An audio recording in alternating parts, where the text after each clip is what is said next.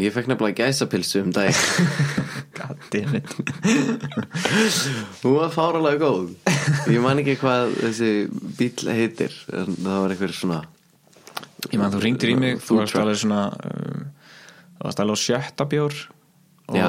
varst að segja mér hvað þessi gæsapilsa var frábær Hún var svo frábær Já. Hún var betra en gæsa Sko, Ég, ma- ég borgarinn. man meira að segja, hann var með svona ræðu fyrir hérna veistlugesti og um pilsuna og ég man hvað hann sagði það þegar hann sagði sko, það var 70% hérna gæsa kjöt 20% nautakjöt 5% ostur og 5% eitthvað heimatilbúið eitthvað svona gel sem að heldur pulsunni saman Ok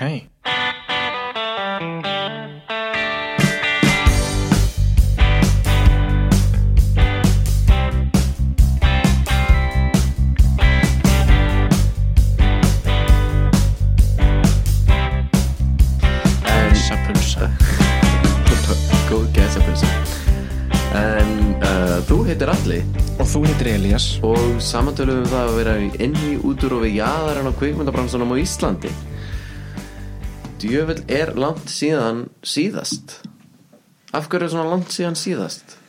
Af því að Það myndi halda að það hafi komið einhver heims uh, faraldur Nei, var það Nei, ég veit ekki hvað Við höfum kannski eftir að gera þetta áður en hann er hérna Eru, Ah. þá opnum við þennan- Sækja bjórin í, í klukkan Já, svona klassiska óðinsi Úrnsu Classic Eru þið skál fyrir að vera komin aftur á okkar regular program Skál ah, Já, já, já Regular program þá ekki AA programmið sem sagt. Já, ekki AA-programmið Við erum núna Við ætlum núna að vera aðeins betri í þessu podcast þáttum aftur og, og vera reglulegri eins og við vorum alltaf En við höfum ekki talað saman síðan hvað við tókum en það eitt þátt um, Já. á meðan COVID Í var miðju COVID tóku við eitt svona heimilis þátt Já, og það var bara svo leiðilegt Já, það var ekki alveg eins Nei, það var ekki sama stemming Nei. og það var svona beð á milli, þú veist Já. þegar þú talaðir og ég talaði, það var ekki eftir að ta taka fram úr þér Það er líka bara mjög leiðinlegt að tala við því síma Já, Elias. ég, er, Ég ég, ég veit verð að viðurkenna það, það. það, segja það allir sko Já.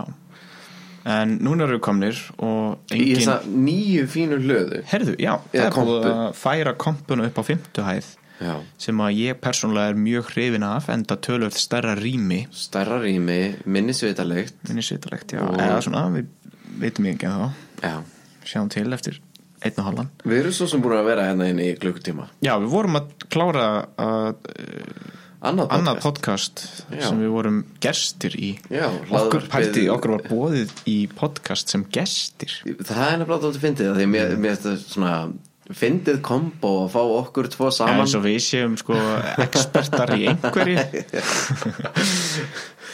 Og þetta er hérna þetta er hlaðvarpið 180 gráður reglan Já. sem er þetta eina íslenska hlaðvarpið sem að ég hlusta alltaf á þegar að kemur nýr þáttur Já, eða það? Já, Já, ég, ég verða viðkynna að ég hef aldrei hlusta á það nei en ég líka er mjög lélegur að hlusta á podcast Já, Ég er ekkert sérstaklega mikill podcast maður En það er hún Freyja Kristinsdóttir sem Já. að heldur það úti og, og ég held hún sé með tölvöld fleiri hlustendur en við já að því að Ég hennar, pottétt. hennar podcast er líka hérna, alltaf á forsíðinu á kvikmyndu.is En það? Já, alltaf þegar að kemur eitthvað nýtt hlaðvarp þá er það Ok Býta, akkur, Ég veit ekki akkur alveg er Tom ekki að peppa, að Okkur? peppa okkur? Já, ég veit Ég það ætla að ekki ringi hann eftir og þetta er alveg svona það pró að, hérna, að það bara á hliðinni á kveikmyndu.is þar Er það? er bara 180 Erum bara með svona banner? hún er með banner What? nefnilega Akkur eru við ekki með banner? við,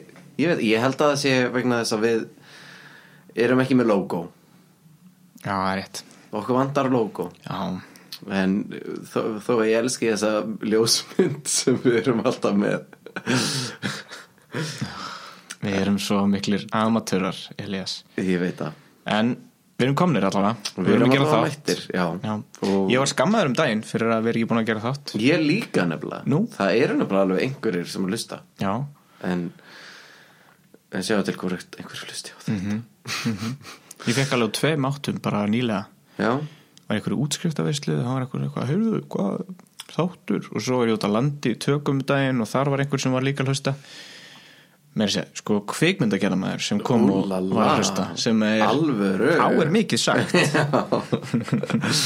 Þau eru oftast hérna grunnskólanemendur sem eru að hlusta á okkur aðalega grunnskólanumundur og Einar Pétursson og Einar Pétursson, já Er hann ekki, nei hann er búinn með grunnskólan, já mm, held hann hafi hann tók ykkur undan þá En það er hérna, það er fjandiland síðan við höfum talað saman síðast Já. og eigum ekki bara, þú veist, catch up, við erum eins og alltaf, það, það er líka eitt sem að Freyja er með, að hún var með símann sinn og vissi alveg hvað hún vildi tala um við og með einhverja spurningar tilbúna Já, og já, ég já, já. að, veit ekki hvernig það gengur og, fyrir sig og á, ákveðan strúktúr Já, og mér fannst þetta allt soldið skrítið verður ekki það vissi hvað hann var að gera Já, þetta var Já. En þetta var rosa skemmtilegt spjall sem við áttum Já, eigum ekki bara að tala um það Svo skulle við rókslega fljótir að gefa út þáttin okkar Þannig að við erum eitthvað búinir að skúpa þættinum áður en hann kemur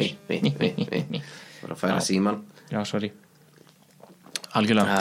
Hérna, eh, já, hvað hefur dag okkar drifið síðan, síðan COVID var í hámarki? Já, við, við tókum báður þátt í hérna, stuttri heimildamind sem var hérna Já. á vegum hérna, kvikmyndaskólans Alveg rétt og ertu Hún- búin að horfa á hana? Nei, ég hef samt búin að fá hana að senda, ég var eftir að horfa á hana ég fekk hana að senda og ég horfði á hana bara um leið Já, var það? Já Og hvað? Hva, hvernig fannst þér? ég... Þú varst dálítið asnalegur, ég Aha. verða að viðaukina Já, en það er, það er hann Þorsteinn Sturla sem að hérna, gerði þá mynd Já. og gerði hana í miðju COVID Já, þetta er náttúrulega bara svona kvikmyndagerðamenn að tala um hérna, kvikmyndagerðamenn og við Hún heitir Kóróna Íslenskrar kvikmyndagerðar Já Og Er hún, er hún hérna Við höfum nú bara 11 mínútur um hérna þar sem að kvikmyndagerðamenn eru að tala við Þorstein í hérna Zoom Já. eða Skype og eru bara að lýsa ástandinu, þú veist, á bransanum á Íslandi og meðan þessi veira var í gangi og er í gangi og hérna, neð, og þú varst bara flottur ég, Já, ok, var bara við greið þurftum að taka þetta upp aftur sko ég, ég þurfti líka að taka upp aftur Já, hann tók okkur held ég á sama degi og það Já. var eitthvað að hljóðun í honum þannig Já. að hann bara, það var ónýtt akkurat, hljóðið sem hann tók upp þannig að hann þurfti að ég held að ég hef bara sprengt mækin, Nei, ekki þetta skipti Það gerist bara í þessu podcast það gerist bara hér Já, þannig að við, við þurfum að taka það upp aftur sem var leiðilegt en svona er bransin Svona er bransin Dúbidú Við veitum ekkert hvað við erum að fara að tala um Nei, eh, Hvað hefur verið að daga hvað- og betri Sko, ég er uh, ég gerði náttúrulega ekkert í COVID nema að hérna, spila töluleiki Ok, um, ég, hérna, ég og Einar vorum búin að vera ansinduglegir Hann Einar Eils sem við talaðum um áður uh,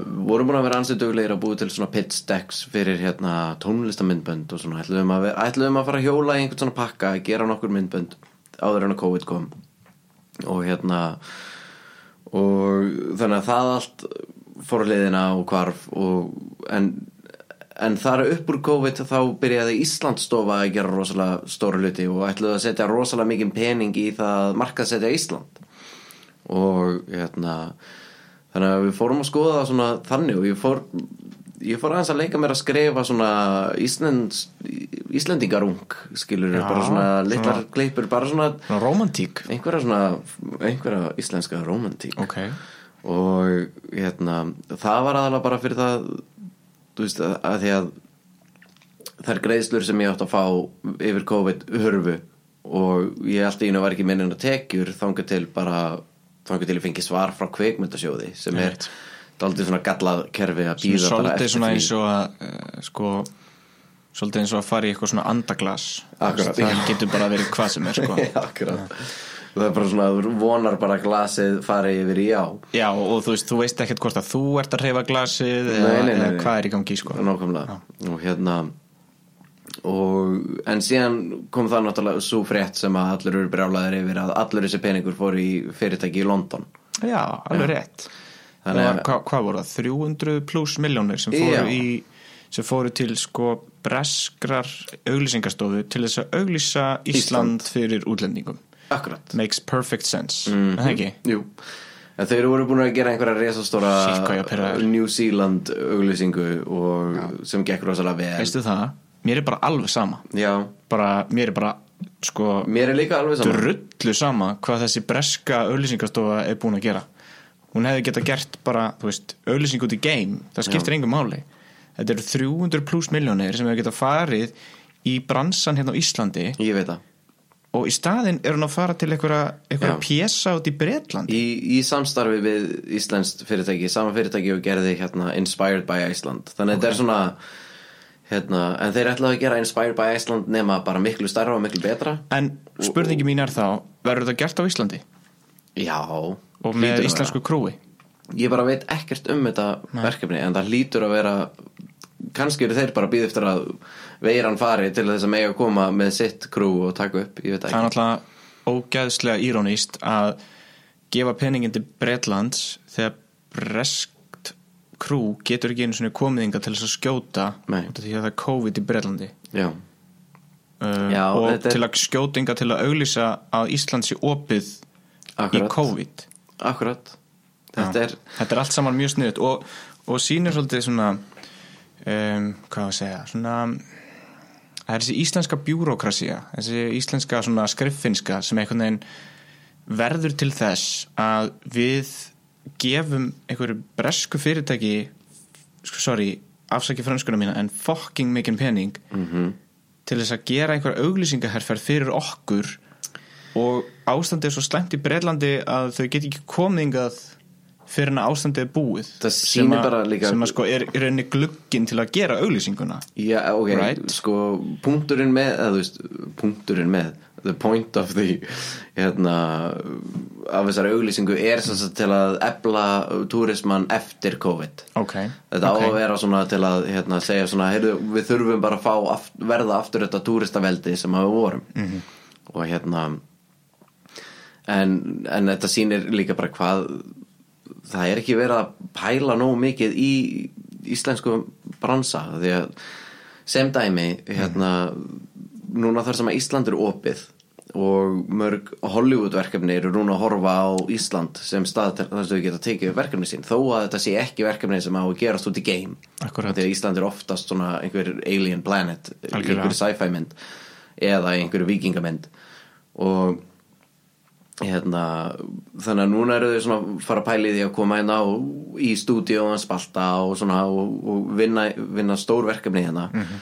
en til þess að þau geta komið hingað þá var verið að hérna, championa það að við myndum hækka endugreðsluna upp í 35% úr 25, úr 20 úr 20 eru við ekki 20 núna? Ég er Nei, ok, já, ég held að við séum í 20 Ok. en ég þóri ekki að hérna, leggja það á línuna endara en þannig að það var verið að segja svona ok, hérna, hérna eru fullt af stúdíu og hún er búin að skrifa undir við munum taka upp þessa mynd ef þið hækkið upp í 35% Mhm. þetta fer fyrir alþingi og þetta lið sem að stjórnar landinu okkar skoða, Þetta lið. þetta lið sem að stjórnar þessu landi það skoðar þessa pappir og svona vá, rosalega mikið af stórum flottum myndum sem mann myndi gera rosalega mikið fyrir Ísland og við þurfum ekki einu svona að borga þú veist, fyrir þessa auglýsingu Mhm. hérna, en ef þau vilja nú taka upp á Íslandi við geta ekkert tekið það upp einhvers þar annar staðar við ætlum ekkert að hækka þú veist, við fáum bara miklu meiri pening ef við hækkum ekki endurgreiðsluna já, ég reyni þeirra rök eru ef þeir vildu á annar borð skjóta á Íslandi þá munu þeir gera það hvort sem að við hækkum þetta eða ekki Akkurat Sem er náttúrulega Sem er bara bara enga veginn raunveruleikin Einmitt. Og þar að leiðandi eru þessi Hollywood-verkefni bara svona Já, ok, nei, Mhm. takk samt Akkurat. Og svona, úps, heyrðu Já, ok, við erum sérst ekki að fara að fá þessar auglýsingar Nýja þessa vinnu sem að kvikmyndabransin á Íslandi hefðu fengi Desperately þarf á að halda Akkurat. En við vonum bara að þau, þú veist Ég, ég veit ekki hvort sé að fara að endurskoða það eða eitthvað, hvað er að fara að gerast en Nei. En Og við sko- vorum á mjög spennandi stað sem og er ef við núna hor horfum bara svona á önnur lönd til dæmis um, núna flest ríki í bandarækjum bjóð upp á einhvers konar endugreislu uh, svo eru við að horfa á lönd til dæmis eins og Evropalöndin, Spátn til dæmis býður sko 50 eða ja, hvað var það, 60 60% 60% endugreislu Já. þú veist eh, þú sem af því að þeir framleiðslu eru líka búin að tapa öllum hérna, túrismannum, alveg eins og við já, já. og En þú sem framleiðslu fyrirtæki og horfir á þetta 20 versus 60 þú veist, þú Já. getur farið á norður Spán og þú getur fengið landslag sem er, sem er mjög svipað mörgum stöðum á Íslandi Sérstaklega þú ætlar að koma hérna og vera í stúdíói Já, fyrir utan það og borga mikið hærri hérna, laun fyrir hérna, hvern einasta verkamann Akkurat þannig að þetta er þetta er aldrei pirrandi Já. þetta er En ég verð samt sko, ég verð samt að taka eh, aðeins að svona réttir þetta eitt sem þú sagði rétt á hann. Þú varst að tala um að, að íslenski kveikmyndabransins þurfu der, íslenski kveikmyndabransin þurfu desperately á því að halda að erlend verkefni kominga inn. Það er ekki endilega alveg rétt. Ég er búin að vinna núna uh, síðastu vikur í uh, verkefni um, þar sem að þessi, þessi, þessi íslensku verkefni þannig að ég er svona Það sí- veitur sí. allir hvaða verkefni það er að það er bara eitt verkefni í gangi Nei, Þannig sé- það er ekki rétt Nú, Það er alls ekki rétt og, og einmitt að því ég er búin að vera inn í þessu verkefni þá er ég búin að vera inn í kveikmyndabransan Mhm. Já, já. á Íslandi stundum fær maður það og ég er búin að komast að því að það er bara ógæðslega mikið í gangi það er þvílík gróska og það er svo mikið í gangi að kukl tækjalega hefur bara ekki eh, tök á því að ráða við öll þessi verkefni Já. hún er bara tóm eins og er af því það er bara ógæðslega mikið í gangi sem leiði með að næsta punkti Akkurat, ég ætla sem eru náttúrulega þvílíka fréttir og eitthvað sem við höfum, hefðum fjallað um fyrir mánuði síðan hefðu verið að taka upp reglulega en svona er þetta um, einn stærsta tækjalega á Íslandi Mediarendal uh, Næst var, stærsta tækjalegi á Íslandi já, var leist upp og keift af kökl Já. sem er, uh, hefur verið og er núna enn stærsta tækjalega á Íslandi og þessar tvær leigur voru í rauninni einu stóru leigurnar á Íslandi Já. og núna er kukl búin að kaupa e, þessa leigu og kaupa mest allan búnaðin frá þeim og við erum þar alveg búin að ein- einoka markaðin A, gjörsamlega, Já. bara gjörsamlega og geta bara ráðið því hvað þau eru að fara að rukka fyrir hver einustu kameru og sérstaklega eins og þau segir að það sé svona mikil gróska þá, þú veist, fyrir öll þessi litlu verkefni sem er að reyna að koma sér á stað og eru kannski með 5 miljón krónu budget fyrir einhverja stuttmynd þau eru bara ekki róðið að fá að leiga kamerur ekki, ekki svona competitive kamerur, nei Nei. að því að, þú veist ég var í, í stóru verkefni sem að var að nota sko þrjár kamerur Já, og það var vesen að fá þriðu kameruna vegna þess að þú veist, það er bara allt sem þeir eru með er bara í leigu já, og já, þannig að þú veist, það er slatt að gerast þannig að við þurfum ekkit endilega á þessum erlendu verkefnum að halda Sko, ok, kannski ekki desperately Nei, ekki desperately, En, en það er alltaf gott En það er bara svo mikið af krúi á Íslandi Mhm. og hérna og það að fá að vera í, þú veist, Hollywood production eflir, hérna, kvikmyndabransaninn á Íslandi rosalega mikið, gjörsamlega. það að fá að vera í svona, að það er bara allt annað batteri það er líka bara þvílík kennsla sem að á sér stað þegar að erlend verk, stórt erlend verkefni kemur inga Já. að því þú þjálfar upp alveg heila röð af kveikmyndageramönnum að vinna á Bara stóru heila setti. herdeild. Ja, algjörlega og, og einmitt, þú veist, við ég er svolítið að taka eftir því að eftir uh, þetta tímabil sem var kannski, mm, segjum 2010 til já, 2016-17 það var það tímabil þar sem komu hvað mest af erlendu verkefnum inga inn -hmm. og um, í kjölfarið að því þá einhvern veginn gjör breytist íslensk kveikmyndagerð um, vegna þess að við vorum farin að temja okkur verkferðla sem að erlendu verkefnum komu með Akkurat. Þa, þetta hlutir eins og að vera með sko, second unit og eitthvað svona á stærri verkefnum v- bara var ekki hlutur sem við gerðum það var bara eitthvað sem týðgæðist ekki Já. E- auk, auk, þú veist, aukalega er það náttúrulega eitthvað sem kom ekki inn fyrir en við vorum með, kom með budget fyrir það við náttúrulega vorum að vinna á mjög tætt budgeti upp á þessu um, þannig að það auðvitað spilar inn líka en, en svona, já, ég, mér finnst sko mér finnst, mér finnst ákveðnir verkfærlar hafa breyst mjög mikið eftir þessu stóru uh, production service verkefni komið eitthvað inn og svona kynntu okkur fyrir uh, mismandi leiðum til þess að búi til bíó Já 100% og þú veist þeir eru líka með allt öðruvísi bara reglur á setti heldur en allavega svona minni íslensku myndunar hafa verið með þú Mhm. veist, bara hver- hvert einasta hérna, hver einasta deild sér bara um sína deild og er ekkert að stíga út fyrir það og meðan við erum alltaf meira svona, daldið, svona indie, svona, allir eru bara að vinna í þessu saman og gera þetta á meðan maður tekur síðan eftir að þú veist, þegar þessi Hollywoodverkinu koma á svona, já, ok, þetta virkar actually bara mjög vel hjá þeim Akkurat. að gera þetta bara svona Einmitt. þannig að við erum svona, þú veist, að kenna krúinu líka á það algjörlega og ekki bara þeim sem er að stjórna hvernig þetta allt fari fram Einmitt, einmitt. Já, En- algjörlega og þú veist, Amerikanar eru rosa fyndni með það, þú veist, þeir bara gera sína vinnu og ekkert annað Já. sem er, þú veist, er alveg galli út af fyrir sig, af því að þegar þú ert búið með þína vinnu, þá sérðu að það eru kannski fjórar aðra deildir sem að, sem að þurfa hjálp já, skilurðu. og vilt ekki hjálpa eða Nei, bara þú máta bara, ekki þú bara hreinlega mátta ekki Nei, sko. akkurat. þú, það er bara gargaðu þegar þú gera Já, bæði sem- af sko þín, þinni deild yfirmönnum í þinni deild og yfirmönnum í, í hinni deildinni að þú sért að stíga á milli deilda og, og, og þú veist, ég er ekki að tala um að þú farir sko sem ljósamæður og farir eitthvað að laga einhver, einhver ljós, eh, nei hérna laga einhverja bækur sem að liggja á borðinu ég er Nei. bara að tala um, þú veist að lifta fokking uh, fataskáp eða Ég, eitthvað, veit sko. að- ég er meira að tala um það að því að þeir eru náttúrulega með þetta þannig að þú veist, þeir setja svona harðareglur Mm. vegna þess að þeir vilja ekki að þetta gerist þú veist, Mhm. þeir vilja ekki að einhver taki um einhvert kapal, þú veist, færi einhvert kapal eitthvað Já, já. sem að gæti gerst þú veist,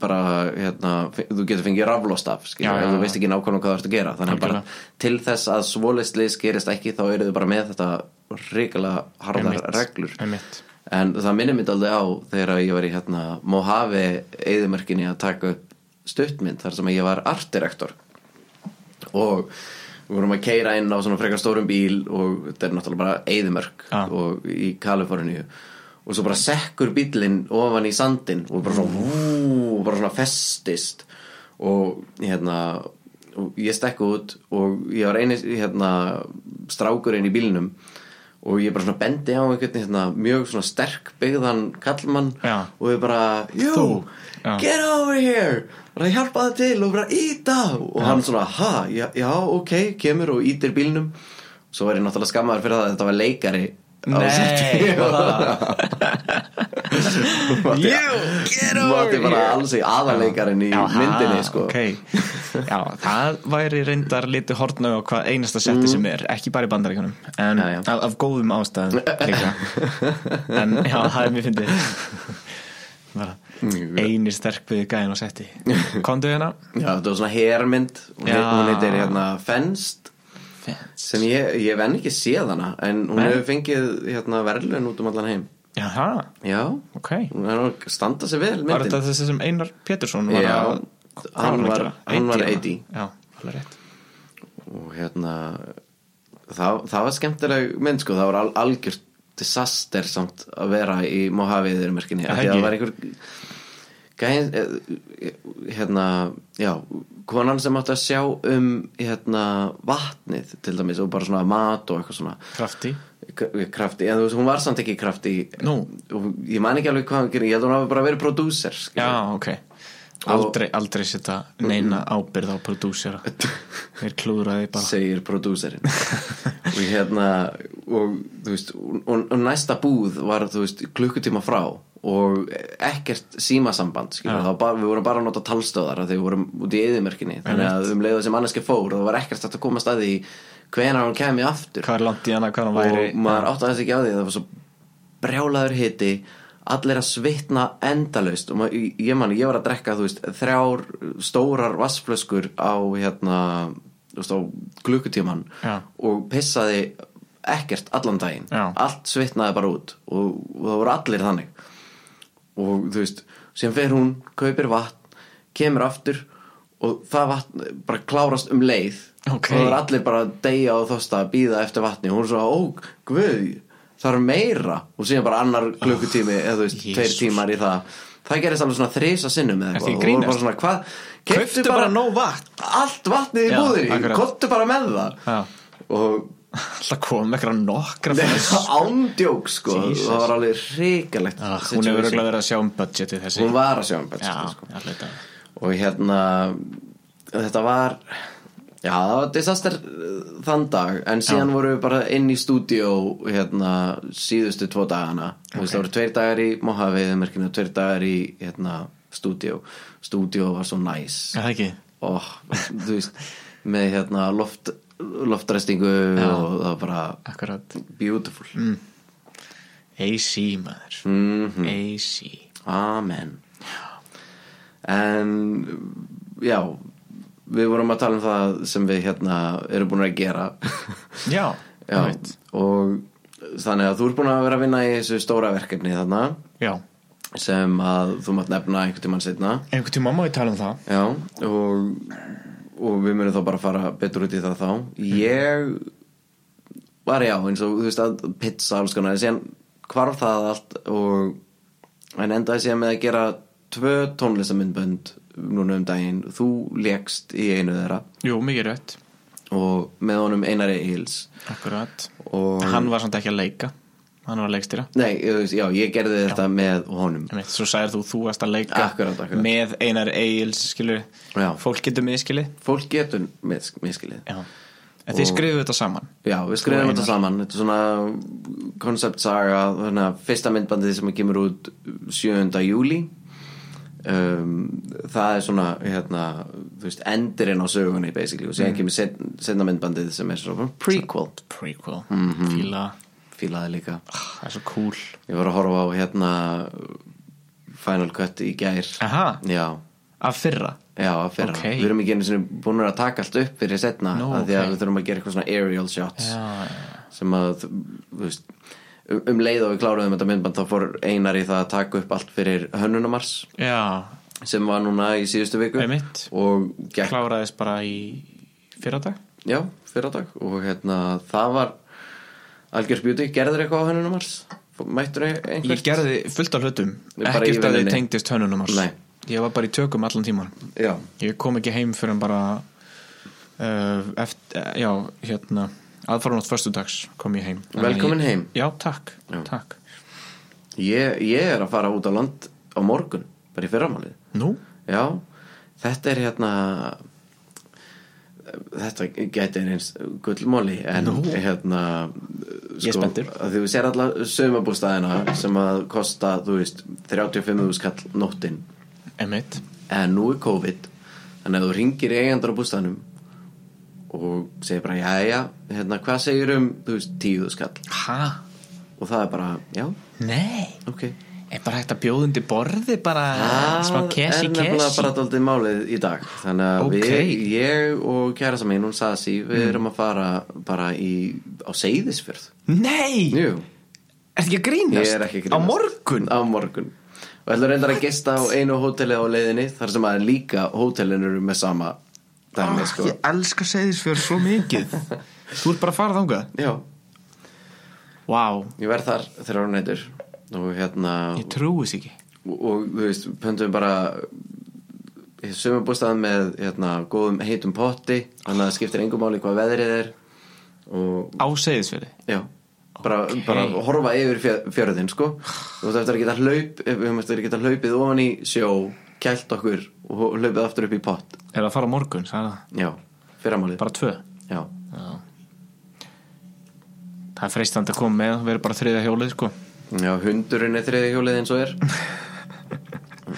Ég skil þig en eh, þetta verður svona Það er geðvikt ég En er djöfisins mega haks spenntur. líka að, að ringja bara í fólk og já, vera bara, já Þú veist, Hvað segir um tíu auðvitað. Já, auðvitað Akkurat. því að það er enginn annað nei, nákvæmlega og sko þar sem að við erum að fara að vera er sko svona fjórir bústæðir saman og, og við verðum samt ein á svæðinu það, það er engin í hinnum bústæðinum Vá Mhm. Ég hefur komið til Seyðisfjörðar áður ég hef komið til Seyðisferðar en ég hef ekki verið þar í sömbústæð ég á fjölskylda á eigilstöðum Já. og þannig ég verið mikið í á hérna, bara í östferðum en hérna en aldrei gist í, á Seyðisferði skilur aldrei notið þess almennilega Einmitt. Þú voru að fá hjá mér alla bestu staðina og, já og, og kontakta og svona Endilega Var það ekki þar sem að myndin var tekin? Mm. Jú, jú, mikið Hún rétt hérna, Lífið að eini Lífið á eini Segir fyrir maður Ég hef ekki komið ánga í tvö ár Ég er bara Ég er alveg bara Ég döið öfundag að vera að fara Já, ég vildi óska þess að ég geti búið þeir með en það væri daldið hérna svona taken away from the romantic Já, ég, Getaway. ég, ég líka hef ekki tími á það ég er að fara aftur í tökur á, á fimmtdægin Já, en annars myndi ég bara koma og mér var alveg sama þó ég var eitthvað að skemma eitthvað sko. Já, ég myndi ég bara veit leiði bústæðin Við hliðina á, já, nú. eða kannski tveim bústæðum frá Nei, Ég- við ég veit- hliðina á. ég veit hvernig þið eruð já, já, dýrin ykkar dýrin Nei, það er hundurinn, já, ég myndi hann er dýr Já, Mm. Við erum mannfólk mannskeppnir Skepnur. en þ- svo bara já, er ég dottin aftur inn í þetta rigorous writing schedule hjá mér og hérna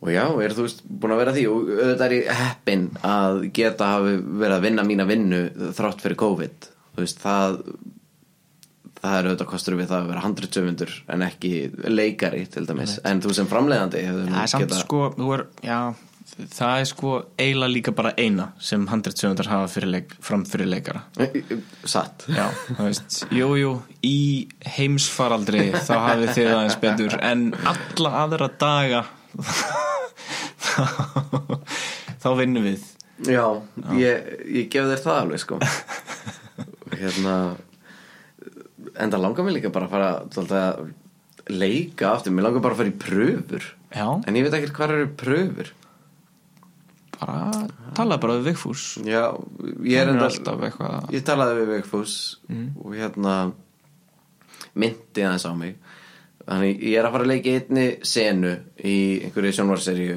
Ok. í næstu viku uh, sagafilm uh, sjónvarseríu og Mm. sem ég veit í raun og veru ekkert um en Nei. hérna Ég grú, veit- grútleg sena sem ég er að gera þú þannig að, varst, þú varst búin að segja mér þetta áður en við byrjum þannig að ég veit hvaða serið þú ert að tala um Ég fór í pröfu fyrir þessa serið að það, Já, ok og hún er byggð á sannsumlegum atbyrðum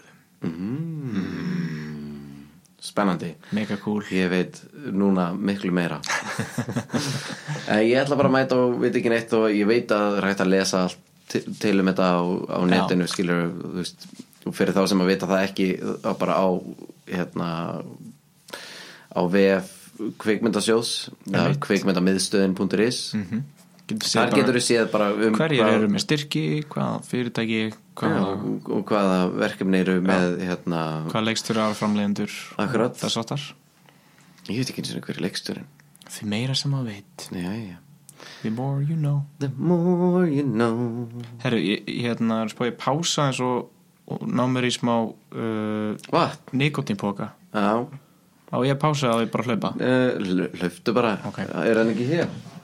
herru, jú, að ég langar reyndar ekki í þennan Nei ég, er með alveg svona, ég fór í hérna Svens Herru, loksins. ertu búin að fara í Svens? Oh my Ég hef god, ekki hvað farið í Svens er en- Eh, cool búð það grínast það er bara eins og nammi búð Já, nema með nikotínpókum nefnir nikotínpokum Já, ég er búin að heyra mikið um þessa búð En er hún Já. ekki einhvers stór út í raskati? Nei, nei, hún er á dalveginum, Já, ok, Kópavogi nice Eða, Þannig, veist, jú. út í raskati Já, Kópavogur er svo sem ég, ég fór í partí í Kópavóinum um daginn Já, segðu mér aðeins frá partíinni Það ná mér í póka á meðan tala hérna við mikrofónu bara og það var sko það var svo mikil umferð á leiðinni í þetta partí að ég bara ég skil ekki hvernig fólk getur unninni yfir í bæ og búið síðan einhvers veginn svona lengst, lengst, lengst út í Kópavægi það er ekki eins og hún var eitthvað hjá þú veist, smáralind og tók okkur hálf tíma að keira hálf tíma og þetta var bara en reikilega fallegt hús og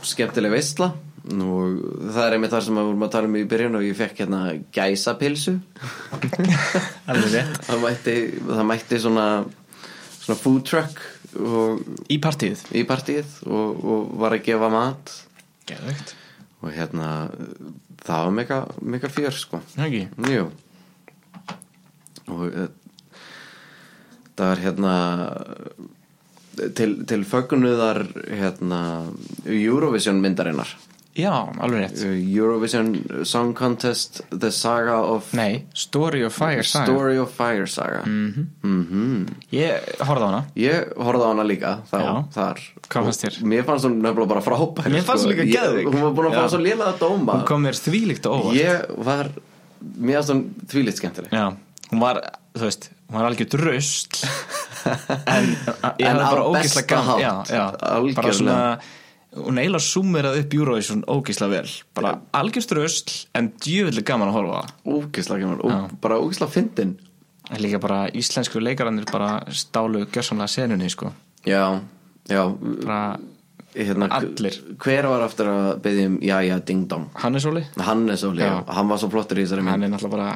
Það- bara hann er svo fyndin gaur hann er bara hann er algjör þvílíku mestari sko Ah, já Bjössi Stefáns líka mjög góður það er allir já það er bara allir íslensku bara standa sem Já. mjög Jói G líka bara Já, very good stuff very good stuff. Vi, Við Mm. mælum sem sagt með henni já 100% Horður horfðurðu á hana bara einn með sjálfið þér eða? Ma, eða, þú veist, nei ég horfði á hana með, bara með vinnum mínum Ok, og þetta er algjörlega svona bjórmynd já 100% Þú veist, það, það, mér, mér fannst ég svona vera að fá bestu útgáfun að horfa á þessa mynd með öllu fólkinu sem var að vinna við hana og, Já. eitthvað svona, og, þú veist, og í svona stórum hóp og allir skelli hlæjandi þetta var hérna þetta var mega beauty mega beauty algjörlega eitthvað fleira gott sem þú séð nýlega mm, sem að já, ég meina bara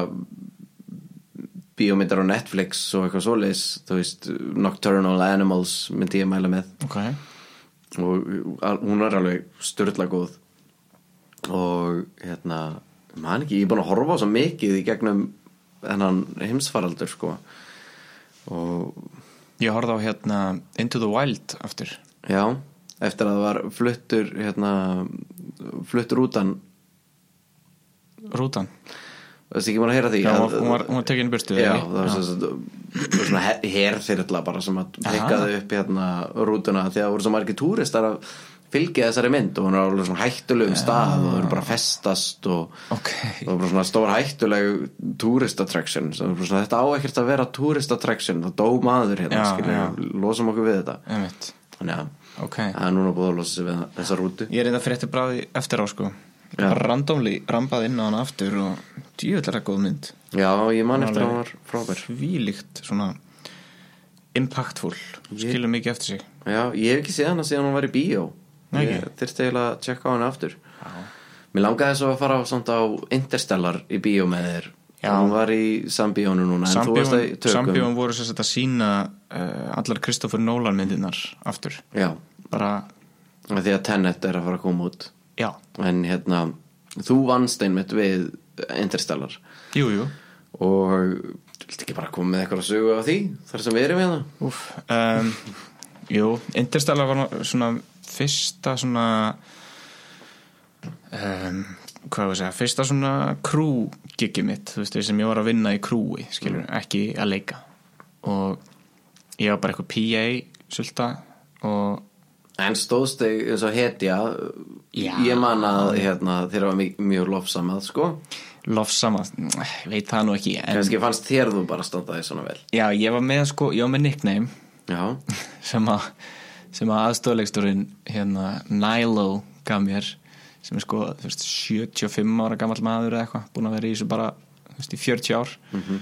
hann gaf mér nickname sko Superstar ok sem, að, sem er stundum sagt um svona PA sko, svona Já, Superstar já. PA eða, eða svona, já eða, eða hérna Star PA stundum talað um líka Svona að því, þú færð ekki borgað fyrir að vera key PA Nei. En þú ert samt Já, þú veist að, þú veist að það standa Þú ert að standa Já. þér vel. En þetta er líka, þú veist, ok, það er Hann sagði þetta örgulega Hann meinti þetta örgulega með fjallið En svona eftir á higgja Þá er þetta yfirleitt sagt, þú veist Superstar er eitthvað svona sem er Ógislega ungur, ógislega graður Og langar geðu þetta að sanna sig Já. Skilur þetta er svona þannig Þannig að þú veist, það- það var örgulega pín og hæðni í þessu En, Já, já. en samt, gaman Já, já. Engoðu síður Og alltaf þegar ég var eitthvað að hlaupa þarna framjá með vatn eða kaffi eða talstöð eða eitthvað þá var alltaf, ei, superstar, kallaði hann alltaf í talstöðuna eða eitthvað Mhm. svona svo var eitt skipti sko þegar að við erum upp á vatnajökli og ég er hann á fjórhjólinu mínu eitthvað, f- kom með eitthvað kaffi og, og eitthvað vatn upp á, upp á jökulinn og náttúrulega heitt batteri í talstöðunar hann náttúrulega sko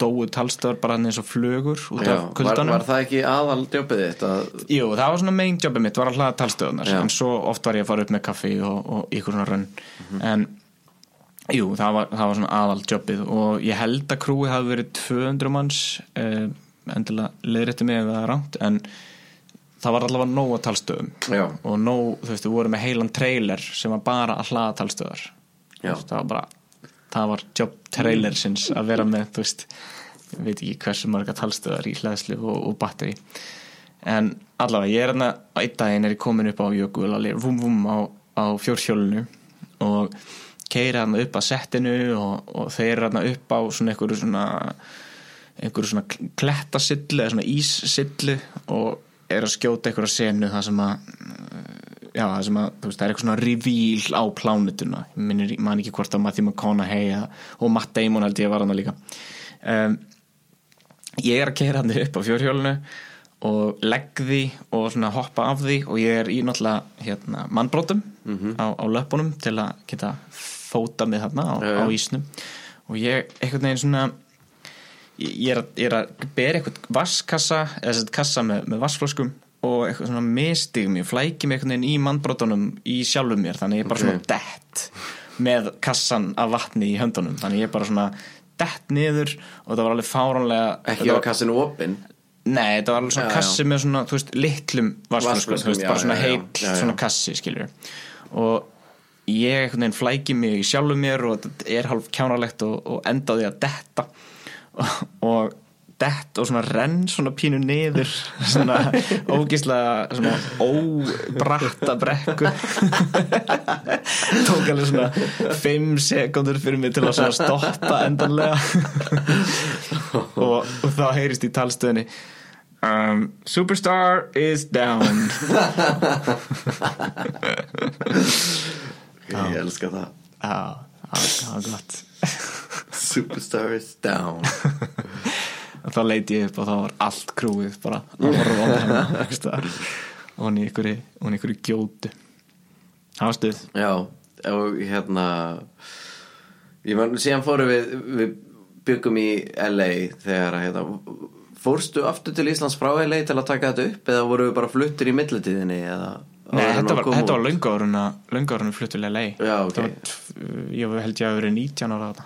en myndin kom samt ekki út fyrir en við vorum fluttir til LA það er rétt og við fórum á hérna, ekki frumsýninguna Nei, en nei, við fórum, við fórum á á, hana. á já, Já. Í, Mhm. í Chinese Theater mm -hmm.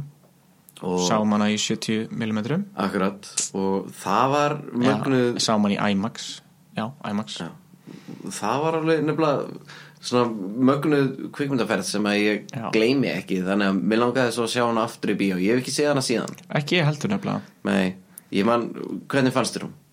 mér fannst hún sko mér fannst hún stórkostleg svona visually Já. en ég man að þú veist það var engin texti Mhm. við sátum sko alveg á fremsta bekk lengst til vinstri Af hverju þannig að sátum- maður var var svona, svona þetta- pínu hálsurík Var þetta frumsýningin? Þú veist, það er sem allir voru Jú, nei, þetta var ekki, þetta var ekki redd karpet sko, Nei, nei, nei, en þetta var, forsýning þetta- allavega eða eitthvað Nei, svona nei, nei, nei, þetta var bara þetta var bara fyrsti dagurinn sem myndið var Já, sýnt já. og við, ég, náð, við náðum ég man við náðum einhverjum tveim miðum á þetta bara að því Já. við byðum í ykkur röð á netinu Alveg rétt. og náðum sér en uh, já, fengum ekki góð sæti Nei. þannig að ég hef eftir að sjá hana aftur með texta já. að því náttúrulega Matthew McConaughey er mjög þekktur fyrir það að muldra svolítið Já. mm -hmm. Ég man just Mm-hmm. nefnilega like the way it feels Ég myndi einmitt að, að þér hafi ekki fundist hún eins góð og mér fannst hún sko já, Mér fannst hún nefnilega frábær og ég var svo hissa þegar þú varst bara svona "Eh, já, ég held bara að ég hafi þurft að sjá hann aftur Já, sem ég, að ég þarf enn já við mistum af hérna, sambíónum já, ég var í tökum, Þannig við þurfum bara að finna einhvern sem á gott tjald gott sjón var bara held ég að það sé allt í lagi sko. og bara helst bara svona heimabíó kerfi, Já, það er ekki hann er ekki heima hjá öðrum hverjum á okkur allavega. nei, Nei Já, já, kannski á mömmu já Það, já, já Mm, Ég er alveg til í það það er ekki, Jú, en það sjóast þú að segja mér að núna rétt á henn að Lord of the Rings það verður að fara að sína það líka í sambíónum já, ég meina sambíón verður bara að sína eitthvað Það er enga myndir að koma út já, auðvitað Þannig að það er bara að vera að recycla öllum þessum gersinum mér hefur lengi langað til þess að fara í bíó Já. og horfa á allar þrjár extended Lord of the Rings myndinnar í einu Ég nefnilega nú að fólk eftir að hata mig sko Ég elska Lord of the Rings Mhm. En þessar extended útgáfur Nei, Guð hvað mér finnst það reyðilegar hættu Ég bara, Hættu. ég geta það ekki Hættu núna Hættu núna áður en að allir hætt að hlusta Það eru tveir búin að slökva af fjórum Já, Við erum með tvo eftir já Ekki drepa þetta er, er, Ég Ok. vona nú að Einar Pétursson sé hann á línunni Hann er tæpur En sko um, Ég var nefnilega á sömu, sömu bylgjulengd og þú með þetta Fyrir ekki svo löngu síðan En mamma mín Já, blessi hana hún uh, kendi Lord of the Rings sem fag, valfag Já. í skólan sínum, í grunnskóla þar sem að þeir horfðu, þau horfðu á allar þrjár myndunar extended og rættu það hefur fram og tilbaka og horfðu auka efnið og í rauninni þa- bara Lord of the Rings var bara valþema Skemmtilegt. og hún sannfærið mig um það einhvern tímann alltaf ég að fór að horfa á þar allar þrjár og hún eitthvað, já, verður að horfa á extended, verður að taka extended ég eitthvað, "Nei, þú veist, það er samt alveg come on, þú veist, það eru fjórir tímar hver einasta mynd, sko og hún bara, nei, treystu mér þetta er svo góð viðbútt og þetta, þetta sumir að svo miklu meira upp söguna og bara treystu mér, þetta er geðvegt þannig ég horfði á þetta allt aftur extended mhm. -hmm. og bara ég get aldrei fælt tilbaka aldrei, ok en ég man samt eftir að horfa á extended þegar ég var yngri Já. þú veist, ég náttúrulega sá fyrstu myndina þegar ég var 11 ára eða Já. eitthvað mann, þegar ég horfði á extended á DFD eitthvað tíma, þá var ég alveg bara þú veist, Ég man nefnilega sko að ég fekk Fellowship of the Ring, Mm. fyrstu myndina í- á Vaff OS og hún var extended þannig að það var ekkert hægt að velja neitt Nei, úr því, nei. þú veist, það var engin valmöguleiki það var bara extended útgáfa á Vaff OS Mhm.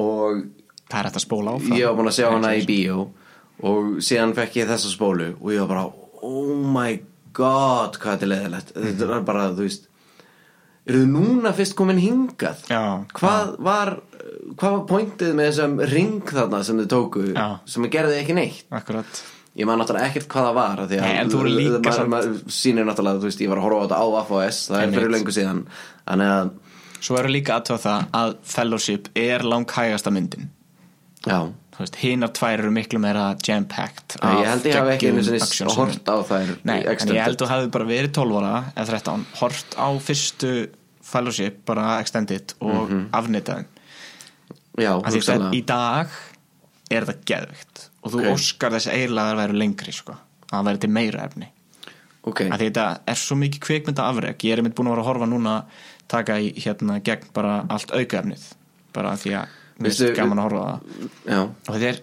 þetta er því líkt kveikmynda afreg þessar þrjár myndir og þetta er, þetta er bara ótrúlegt ég held sko eftir 200 ár þá mun fólk horfa á, á þessar þrjár myndir sem bara svona eh, já, bara svona einhvern veginn holy trinity af kveikmyndagerð á Já. þessum tíma skiljur Svona eins og, eins og litið er á Star Wars gömlu Já, svona rétt fyrir einhvern veginn CGI tók yfir en Já. það var samt ennþá verið svona að daðra við báða hluti, bæða Mhm. verið með animatronic og uh, tölvugerð, þetta var þegar þessu 3D model var bara eitthvað glænýtt fyrirbæri já, ég man þegar ég sá Gollum Já, í fyrsta skiptið og þú veist, aðal umræðan var bara þú veist, pældi því ef, ef þessi mynd væri sínd fyrir 20 árum síðan fólk myndi halda að Mhm. þetta verið alvöru þetta væri manneskja. alvöru manneskja. Já, já, Þú veist, þetta, þetta bara var ekki til nei 20 ára, bara reyndu 10 ára Já, Fimm. örugglega.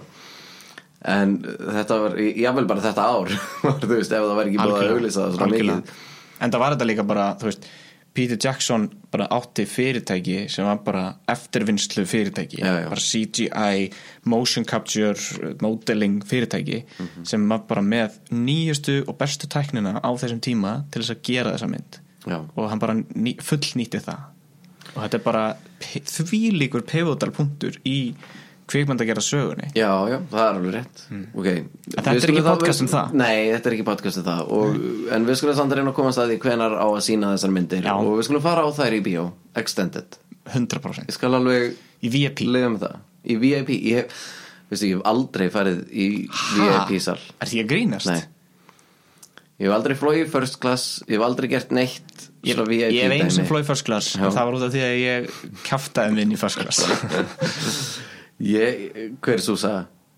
ég var að fara til Íslands það var akkurat í HM miðið HM og hérna allar flugfræðnar voru í íslensku treyjunni Já, og ég lappa bara inn og ég var bara svo gladur að sjá þær ég var Já. bara mikið, þú veist, ég var að koma frá LA og var ekki múin að koma til Íslands í þú veist, Já. einhver, einhver tíma uh, nei, ég var ekki flug frá LA, ég var flug frá New York fyrir ekki og ég sagði bara mikið er fallegt að sjá ykkur í þessum treyjum og bara þær kunnu svo mikið að meta og ég kunnu svo mikið að meta þær og við vorum bara að spjalla heilmikið og, og svo í endan þá bara spurði ég hvort að það var eitthvað laust Já. hérna í first class og einn fór bara eitthvað að tala við einhvern og kom tilbaka og bara já, gjör svo vel og svo bara Vá.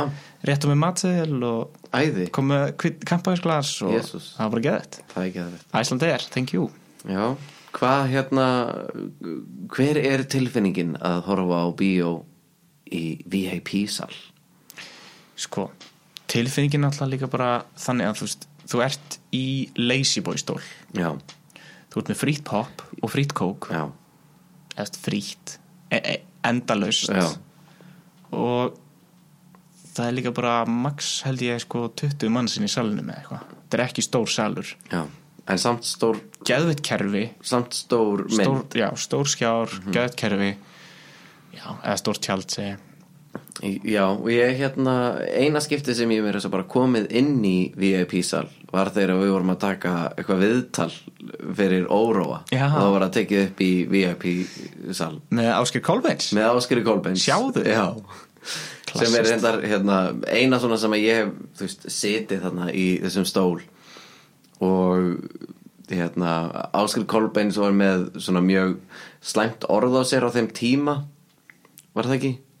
Ég Þú veit veist, ekki. það var allavega eitthvað svona Kolbarinn? ég, ég man ekki, þú veist svona, Kolbeinn in the wild, það var alltaf verið að posta eitthvað, Já. þú veist það var alltaf að reyna við, ég ætla ekki að segja þú veist Já, því ég veit það ekki ég, Var- man- ég var hann man það tæpur ekki á þessum skýrt. tíma? Það var eitthvað svona tæpt við hann Ok, á þessum tíma ok, ok. og hérna og mér var svo fyndið að hann væri að taka þetta viðtal við mig og það að hann væri ekki með neitt kameramann og hann var að stilla upp kamerunni sjálfur Já. og ég er náttúrulega bara, þú veist, 19 ára eða eitthvað og algjör svona asshole move en ég, ég man bara að hann var búin að stilla fókusinn setti síðan og svo ítti ég á takkan svona, og stóllið minn Já, bakkaði aftur alveg og hann svona, já, við aðeins og var, var að vera rosalega kurteis og endur stilti fókusinn og síðan þegar hún var að tala án þess að mér að segja, þú veist, ég pældi í því í fyrsta skipti og mér var sákislega fyndið en síðan hérna áttaði mig ekki einu svona á því að ég var að gera það aftur í miðju viðtali að því að ég var bara svona komin óþægilega langt frá honum og svona verið aftur og hann svona já, afsækinn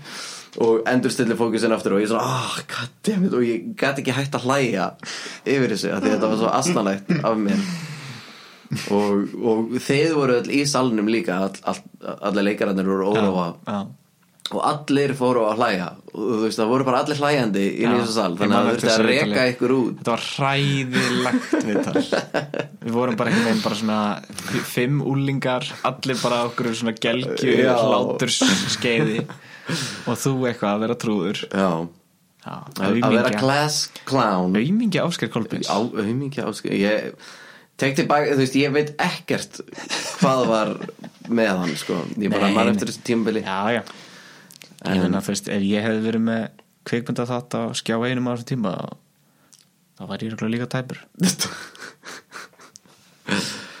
skjár eitt maður Eða Ah. var þetta Pop TV? Nei nei, ég Það var man það skjárinn. ekki ég bara, Nei, þetta var á Pop TV það var í sjónvarpinu Sjáðu, þetta var á Pop TV e, þessi þáttur er ennþá til í dag Sjáðu já, Aha, já á ég Stöð veit ekki tvö. hvað hann er núna Hlýtur á stöð 2 já, lítur að vera En er Ásker Kolbens með hann? já, Nei jú Ha, Það er- ertu að segja mér það Eftir tíu ár er Ásker Kolbens ennþá með þátt sem heitir Sjáðu sem fjallar um kvikmyndagerð já, Kjafta annarkvort er hann byrjaðar aftur með Hann sjálfur hlýtur að Af vera, hann því er ekki ég búin að sá- vera með hann í tíu ár. ok, ég veit það ekki Þa, Það meika engan sens En ég sá allavega nýlegt viðtal þar sem að Áskei Kolbeins voru að tala við hérna uh, gæjan sem að rekur einhvern, einhvern vefjustað sem er ógeðslega vinsæll í dag og spurja hann út í bíómyndir og er það bara svona þeir eru búin að vera með þáttinn í gangi í rúm tíu ár það er svona, já, já, ég ætla bara að fara að tala við hann að gæða sem er reykað hann að falafel kart hérna og spjallaði hann Á Selfossi. hver er upp á smyndið þín? Já, ondjóks Ok. Og hérna, þetta er hilarious mynd, viðtal sko Já. af Því að gæinn, hérna e- Horfir ekki á neinar bíómyndir Nú, Og þekkir ekki neinar myndir Og er bara, þú veist a- af hverju er hann þá að taka viðtala? Að því að hann á svo vinsalan Falafelsta Vá, ok En þetta er þess að þetta restaurantir sem að þú ert að býða í klukkutíma í röð á Selfossi sko til að fá, þú veist, að bara bílaröð Ok. í klukkutíma Eftir einhverju falafel? eftir einhverju vefju af því hún á bara að vera besta vefja Íslands Vá, ok ég, ég ætla að reyna að nappa mér eina vefju á leiðinni út á land sko Allar að fara söðurleðina sem sagt já, Já. er ekki, já Norðurleiðin er skemmtilegri já, en þú veist En þú getur tekið hann tilbaka en hérna, við ætlum að Já, þið ætlum að gista á við ætlum að leiðinni, gista á já. leiðinni Já, alveg rétt, alveg rétt. hérna, já, og eitthvað svona gaman Já, já Herru, við erum komnir uh, yfir 55 mínútur já, ok, þetta var snögg gert Nei, Eh, þetta tók 55 mínútur Já Já, ágætt að því að ég veit ekki einu svona hvað við erum búin að vera að tala um hvað þá hvað við ættum að vera að tala um Akkurat Þannig að hérna ef að, ert þú með einhver gullkort? Já Ef ekki bara segja sömu guldkort og við Sömu gerðum í gull- jú. 180 gráða reglunni Jú. Nei, en það er ljótt Nei, Ég veit það ekki held að það sé ekki ljótt ekki, ekki ef við gefum þannig þátt út eftir Ok, við skulum býða, býða með að gefa hann út þannig til að Ok. hinn er komin út um, Og Þá, sem sagt, að því að hún var að taka viðtal við okkur sem er í þú veist, sem er bara frekar hilarious að Já. við tveir værum fengnir í eitthvað viðtal Akkurat um, þú veist, að því við erum ekki neina að vinna saman að neinu verkefni og, þú veist, ekki neitt þannig Nei, nei, við erum bara að gera þetta podcast við erum bara eitthvað fólk en, Eh, Við erum bara eitthvað, eitthvað falafelgar á selfossi sko.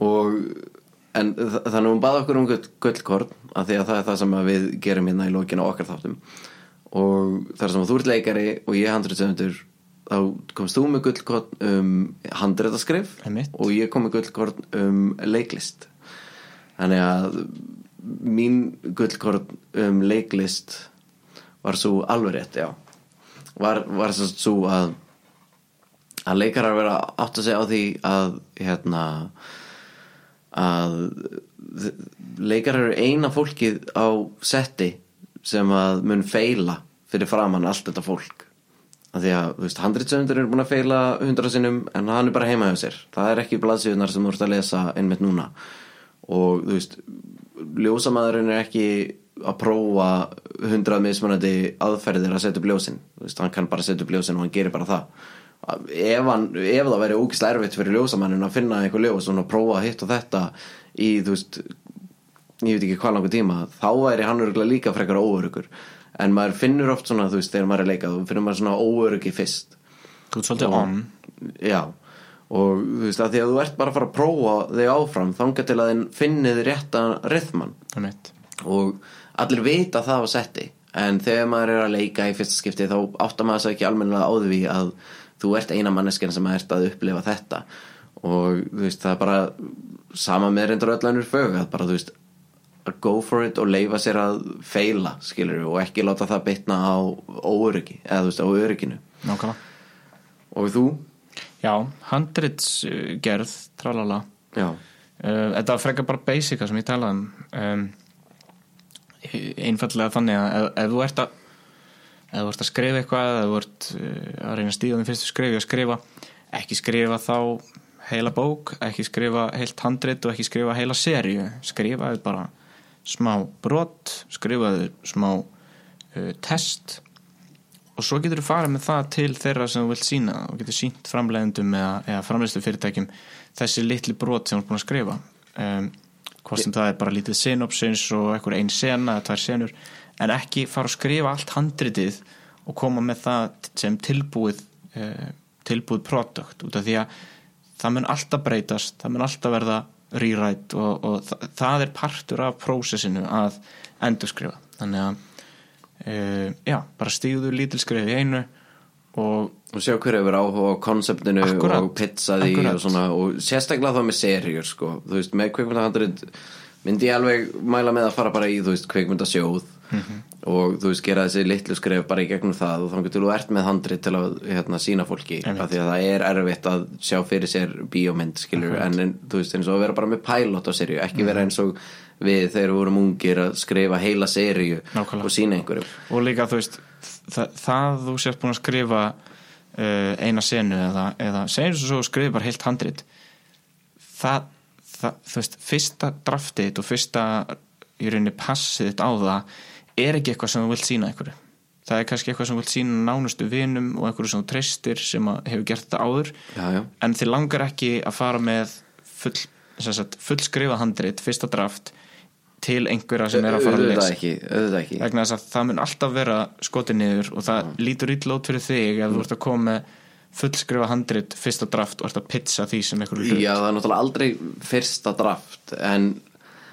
en þú veist, þú komst með góðan punkt í hérna 180 gráður reglunni bara að skoða hvað kvikmyndasjóður eru að byggja um til að byrja með og, þú veist, og, og, og segjast ætla að fara í þetta ferli og þú veist, og vera með flott pitch og sjá hverjir hafa áhuga á því til að byrja með þú veist, ef kannski er einhver framleiðandi sem er bara svona, já, ég er alveg til í að þú veist, tengja okkar fyrirtæki við Akkurat. þessar umsóknir skilur og hjálpa þér þú veist, í gegnum þetta ferli Einmitt. og þú veist, þó að þú eigir alltaf að vera samkvæmur sjálfur þér, þá skaltu samt við líka vera tilbúin að henda öllu í ruslið og byrja upp á nýtt Nákvæmlega það er bara partur af þessu Part og það programmet oh.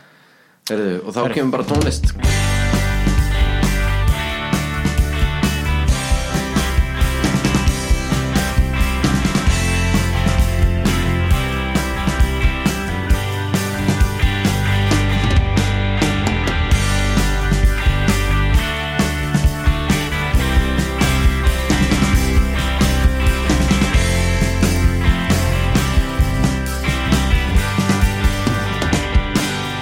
og hérna og hugsanlega munum við einhvern tímann átt okkur á því hvað við erum að tala um í hverjum þætti en I don't know Bara